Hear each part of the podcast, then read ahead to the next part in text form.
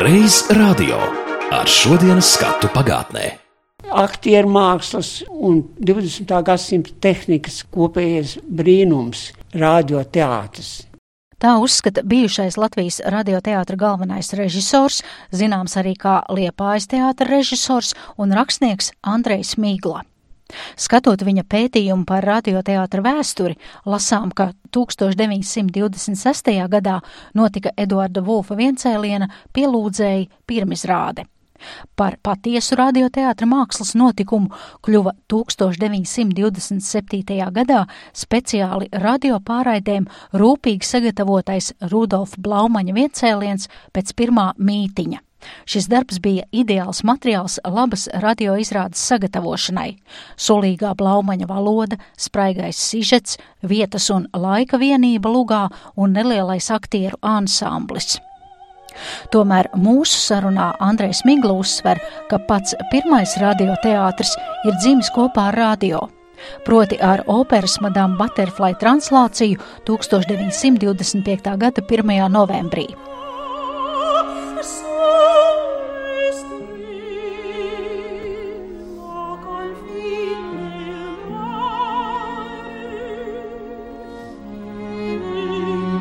Es uzskatu, ka ir radioteātris, jo es zinātniski iedalu radioteātri četros posmos. Viens no svarīgākajiem posmiem bija izrāžu translācijas. Tas bija ļoti svarīgi, jo vienoja tautu visos novados pie radioaparātiem. Tas bija kaut kas jauns, tehnikas brīnums, skaņu brīnums, kad varēja visos Latvijas novados aparāti maksāja dārgi, pie kaimiņa gāja klausīties. Un iedomājieties, ka viena gada laikā bija pāri par simts izrāžu translācijas. Tātad tur bija operas translācija, opereša, Nacionālā teātra, Dailas teātra, no Liepājas operas, un pirms tam bija par autoru raidījums, par aktieriem raidījums, par teātra spēlēšanu raidījumu. Var sakot, katra izrādes translācija sagatavoja klausītājus un viņus darīja gudrākus un bagātināja. Un pateicoties radioteātris izrāžu translācijām, varēja dzirdēt katru aktieru balsi. Un visā Latvijā aktierus pazina pēc balsīm, jo televīzija jau vēl nebija. Tāpēc es uzskatu, ka radioteātris sākās ar izrāžu translācijām. Vai jums ir informācija, kā toreiz ierakstīja skaņas? Tad jau nebija tāda fonotēka kā šodien, ja tur pēš pūš, vistas kladzina, viļņu bangas vai toreiz jau brauca dabā un to rakstīja vai imitēja studijā? Dabā ierakstīja skaņu plates un uzlika to skaņu plati. Bet bija īpaši darbinieks, algos darbinieks, skaņu trošņu meistars, kas saskaņā ar režisoru ziņu veidoja visus trokšņus, vai ūdeni, vai, vai, vai pērkonu, vai durvju čīstoņu, vai revolveru šāvienu. Tā bija īpaša štata vieta. Jūs savā darbā esat arī minējis ne tikai aktierus, bet radioteātra saistībā arī Raini un Edvardu Virzu. Un lūk, citāts no jūsu darba. Rainis pats runājas fragmentus no Lūgas turaidas mājas. Jā, tā bija. Redziet, rādio, jāsaka, milzīga pateicība tiem cilvēkiem, kas vadīja. Tā bija cieņa pret rakstniekiem un aktieriem. Un rakstnieki, zvejnieki paši runāja, par viņiem runāja gudri cilvēki, bet viņi arī paši runāja. Un pēc tam akurāti ar direktoru laikā turpināja latviešu klasiku dzīs lasījumus, kur izcilākie aktieri tā laika nāca un lasīja 14, 15 izcilāko klasītu darbus. Tie Edvards Vēdenbaums, jau toreiz bija Rūtas Kujaniece, Rainis, Krišana Barona Dainas, Skatot sendienu ierakstus mūsu fonotēkā, tie ir retumi, un starp tiem ir arī tāds unikāls ieraksts, ko no otrā pasaules kara laikā sabombardētās radioēkas iznesa latviešu filmu un teātra režisors un aktieris Vilis Segliņš. Tā ir plate, kurā Edvards Smilģis ir ierunājis Raiņa dzēju. Šauts vīrs, un zaļo zaru skuļ. Es skatos caur ziedošo zāli. Kā mūžīgos tvaikos pilsēta guļ, visapkārtai migla tāli, tāli. Aiz pelēkās miglas dobļi dūts, kā apspiesti vaidi tik drūmi, kā zvani zvan, kā klaudz un rūts, kā raud, bet visu māc dūmi.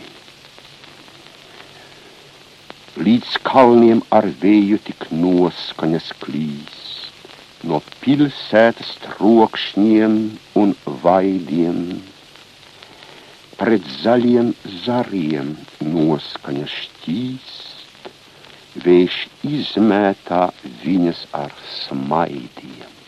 Ja turpinām skatīt radioteātra darbību pagājušā gadsimta 30. gadu sākumā, tad atkal citāts no Andreja Miglas pētījuma par to laiku. Latviešu klasiķu stāstu dramatizējumi ir ļoti iecienīts materiāls raidlugu veidošanai. Pēc blaumaņa stāstiem veidots raidlugas Bērtuļa pirksts un trakais īzaks, sudrabeģus dullais dauka pārstrādāts desmit ainās un raidīts turpinājumos, brāļu kaudzīšu trīs skati no mērnieku laikiem, bet radio repertuāra nozīmīga daļa piederēja arī pasaules klasiķiem - Gēte, Moljērs, Voltērs, Čehovs, Ibsens, Šillers, Puškins. Šo rakstnieku un dzēnieku darbu uzskaitījums pierāda to augstās raudzes literatūru, kura tika īpaši dramatizēta radio vajadzībām. Bet turpinot uzrunāt radiorežisoru Andreju Miglu, ieklausīsimies atmiņās par viņa darbības laiku radio un pamatojumā, kurš žanrs ir vispateicīgākais radioteātrim. Raidlugu princips ir viensēlieni un noveles.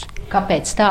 Tāpēc, ka novelēs ir vienmēr nezināmais, tas nezināmais ir jāatklāj. Un novelas beigās ir tāds pagrieziens, kas tik negaidīts, ka pat klausītāji to nevar paredzēt. Un galvenais īsums - 45, 50 minūtes, tas, kas rādio vajadzīgs, ideāli teiksim, viens cēliens pēc pirmā mītīņa, blaumai. Tas ir klasisks viens cēliens, bet viņš ir, viņš ir pateicīgs, viņu vēl tagad spēlē. Čaukstens, brigaders, ir pateicīgs viens cēliens, viņš ļoti bieži gāja visos laikos un vēl tagad spēlē.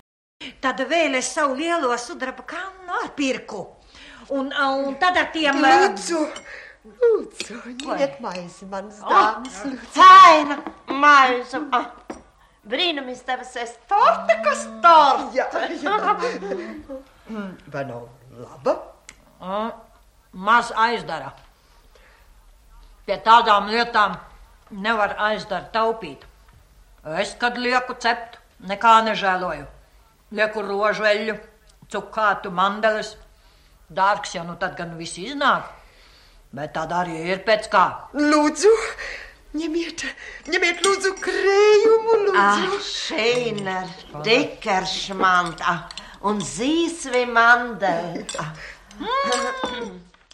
Te arī fragments no 1955. gada ieraksta, un čaukstenēs dzirdējām Emu Ezeriņu, Antu Klinti un Olgu Lejas kalni.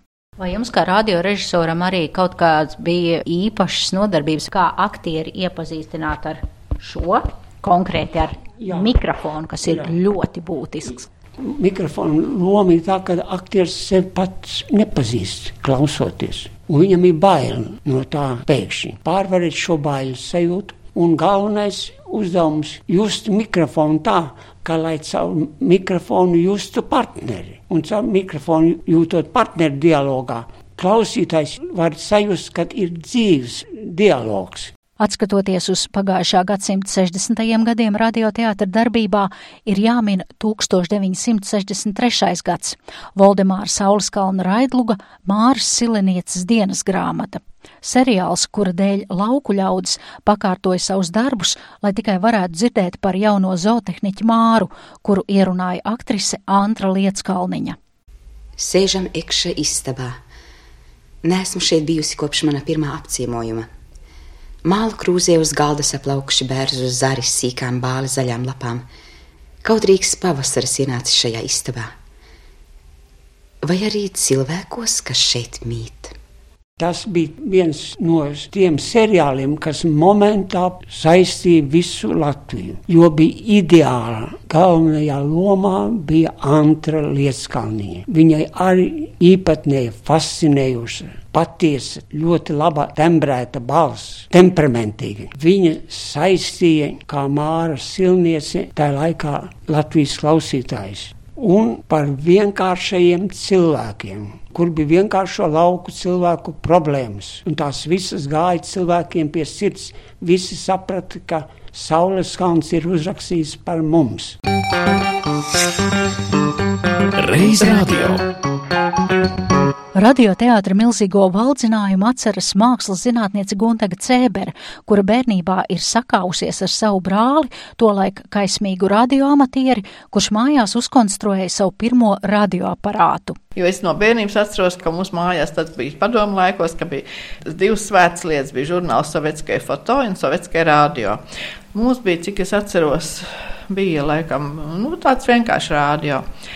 Bet tad uh, atnākušas bija tantes ciemos. Un uh, bija ļoti svarīgs notikums. Mans brālis bija uztaisījis radioaparātu uz austiņām klausamo. Un tajā brīdī bija tas klausīšanās, tas raidījums bija raidlūks zelta zirgs.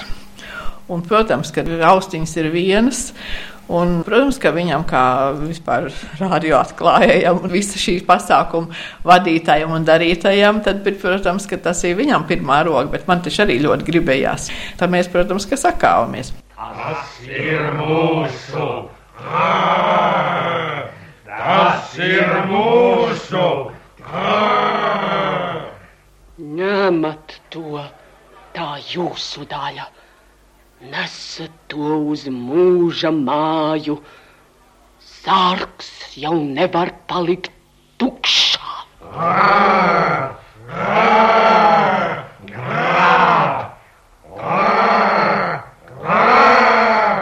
Gundeks prāt tā bija smalka luga, ko tāpat vien nevarēja klausīties, vajadzēja taču austiņas. Reiz radio. Tā kā mūzikā mums jādzird tembri, alts, soprāns, bass, baritons. Jo, ja mēs to neatšķiram, tad klausītājs, ja mēs tagad atskaņojam lūgu, un tur ir 20 darbojošās personas, un viss saplūst vienā tonī, tad neviens nesaprot, kas tur runā. Tāpēc tā ir viena no radioteātra režisora varbūt tādām kvalitātēm, ka viņam jādzird, tas ir galvā, jādzird pirms viņš dala lomas. Tā teica Irēna Cērmane, tādu iestudējumu kā Mazā raganiņa, Dženitors, Svētezers, Billes skaistā jaunība, Garkāja tētiņš, Ziemassvētku noslēpums un vēl daudzu citu radio iestudējumu režisore. Te varbūt ir tas, ka tu teici, ka nevar pateikt kaut kādās dažās minūtēs, ar ko atšķirās dzīvā teātris režisors no radio viena no īpašībām vai kvalitātēm vai radiorežisoram ir jābūt ļoti spilgtai iztēlei. Arī skatuves režisoram ir jābūt iztēlei, protams, bet man tā šķiet, pa šiem gadiem, ko esmu šeit nodzīvojis, man šķiet, ka mums radiorežisoriem tā iztēle ir spēcīgāk izteikta, jo mēs jau nedarbojamies ar plastiku. Dzīvā teātrī ļoti daudz nozīmē aktieri plastiski darbojas, dekorācijas mums nav tā. Tāpēc mums ļoti skaidri jādzird. Ja tas cilvēks tur ir tās benzīna mucas, kurā brīdī tā kāja piesitas pie tās benzīna mucas, un vai tā benzīna muca ir tukša vai viņa ir pilna ar benzīnu, tad tas trokšņs būs pilnīgi atšķirīgs kā tiek pārveidota parastā luga par klausītājiem labāk dzirdamu lugu. Lai viņš savā galvā var tās bildes uzbūvēt pats. Viņam neviens nenorāda, te ir tāda dekorācija, te stāv tā un te ienāk tā. Viņš pats var savā galvā veidot to, kur vēl labāk. Vai arī viņš ar naida pilnām acīm paskatījās, vai viņa mulsi burzīja kabatlakatiņu. Tieši kā to parādīt, parādīja, parādīt, es domāju, pēdiņās. Kā mulsi burzīja kabatlakatiņu. To varētu acīm redzot, ja tai laikā ir arī verbāli kaut kas nu, jārunā tam cilvēkam. Ja? Viņš runās citādāk nekā kad viņš neburzīs kabats lakatiņu rokā. Tas viss tiek caur balsi. Bet ir pilnīgi nepareizi, un es nepiekrītu tam, ka tā ir tikai balss. Tā ir iekšējā darbošanās, kā jebkurā teātrī, kā jebkurā dzīvā teātrī. Kam tur tik glaudi stilbi? Ha? Ah, Ramona, nebaidies, nebaidies. Vai esi viena? Kāda tev daļa? Un vispār kāpēc tu te atlīdi? Vai tautsnieku nevajag? Varbūt izpeldēsimies, ko? Ramona, tu nerunā? Ah, Tu nāc pasties, cik interesanti kokaiņus tavu paladu. Tu vācies prom un vispār nebāz klāt nagus. Nu nebaidies, nenosvilpšu.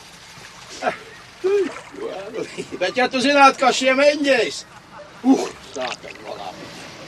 Te fragments no Irēnas Cērmanas 1981. gadā iestudētā darba Svētezers pēc lietuviešu rakstnieka Kaža Sajas romāna. Bez tam mums taču brīnišķīgs paliks tā ir mūzika. Nu, kur vēl skaistāk palīga līdzeklis, viens no palīga līdzekļiem taču ir mūzika, vai ne? Mūziku parasti jūs kopā ar skaņu režisoru meklējāt, jūs vai skaņu režisors? Mm, Tā ir arī ļoti brīnišķīga lieta mūzikas izmantošana iestudējumos. Ir divi ceļi. Ir piemeklētā mūzika, kas jau ir uzrakstīta, ja, un tad mēs piemeklējam to, un ir oriģināla mūzika. Bet piemeklētā mūzika Tad jau bija mūzikas redaktors. Pie katras lūgas bija mūzikas redaktors, kaut gan es to sauktu, piemēram, par mūzikas režisoru. Piemēram, Zinaida Zeltkalna. Nepavisam tas nebūs par daudz teikts. Viņa bija mūzikas režisore, nevis redaktore. Jo tas milzīgais skaņu, skaņdarbu klāsts, ko viņa bija ieguvusi visu mūžu dziedot Avesolā, ja, un apbraukājot visu pasauli. Tādu bagātību, to jau mēs te nemaz izmantot nevarējām, ko viņa lika priekšā, par to viņai zema paklanīšanās. Zinaida Zeltkalne 40 gadus nostrādāja par mūzikas redaktoru radio un pagājušā gadsimta 90. gadu vidū radioteātrī skanēja Inta Burāna lasījumā Jāņa Klīdzēja darbs Dženitors, un tas tolaik tika izpildīts tiešajā ēterā. Dženitors jau bija tas pirmais dzīvais, kur Inns Burāns bija iekšā studijā, un mēs ar zinīti režijā. Inns lasa tā tad Cērmanais logs aiz tā stikla plātās aizšausmām ar saviem pleķainajiem vaigiem, bet zinītei Zeltkalnai nebūtu nav pleķaini vaigi. Viņa mēģinājumā jau mums tas ir izmēģināts aiz tādiem un tādiem vārdiem. Viņa uzraiž mūziku, ints apklust, mūzika skan, aiziet mūzika, ints sāk runāt. Tas ir gan viens raksts. Varu saprast tikai divus burtus no katriem pieciem. Kas tas ir? Viņš pasniedza lapu man un pakrata galvu. Tā dzēja ir krieviski. Veltījums Amerikas prezidentam tas ir virsraksts. Tad zem virsraksta iekavās tam, kuru ievēlēs. Paņem Amerikas bruņas, nosit Kremlī veco suni, ģēnijs skolotājs tad būsi, visām tautām tēvs tad kļūsi. Marš, marš, marš! Sibīrieši dāvās lāci, jo ar brīvību tu nācis, tad tev Volga dziedās slavu, skandēdama vārdu tavu. Marš, marš, marš!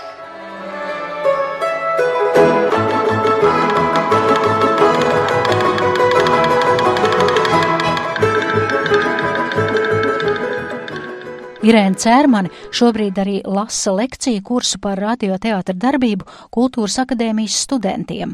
Un cita starpā arī es uzzinu ko jaunu par skaņu efektu imitāciju tos pašus trokšņus, ka taisa un brien pa smiltīm, un kad ir sniegs, tad vajag čabināt kartupeļu miltus. Ā, gurksts sniegs, jā, jā, stērķeli. Jā, stērķeli, stērķeli, jā. Stērķeli, gurksts tā kā sniegs. Tieši tā, tieši tā.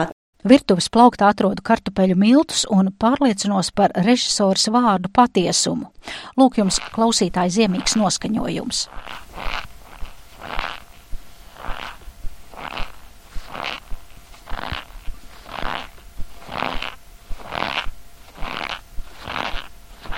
Mēs vienkārši ierakstījām tur lejā. Pagrabā bija tāda metāla, milzīga metāla plāksne, un to metāla plāksne tā krata. Tas ir liels pērkons, ļoti, ļoti bargs, negaiss. Bija jau kādreiz, bet tas arī bija pirms mana laika. Kārlis Ādernieks, Dailas teātris aktieris. Viņš šeit strādāja par trokšņu vīru. Viņa uzdevums bija iet dabā un rakstīt trokšņus, bet tā bija viņa profesija šeit, kas tā man liekas ir ārkārtīgi dabiski un piemēroti. Ar to arī skan raidījums par radioteātri, bet tā kā šis žanrs ir kupli pārstāvēts mūsu radio un vienā raidījumā nevar visu par radioteātri izrunāt, tad solu vēl šī gada laikā tam pievērsties. Un atgādinu, ka līdz 10. maijam, sestdienās un svētdienās, pulksten 17.5. mūsu kanālā skan sarunas ar radioteātra aktieriem. Uz tikšanos pēc nedēļas jaunos radio vēstures stāstos jums saka šī raidījuma veidotāja Zane Lāce.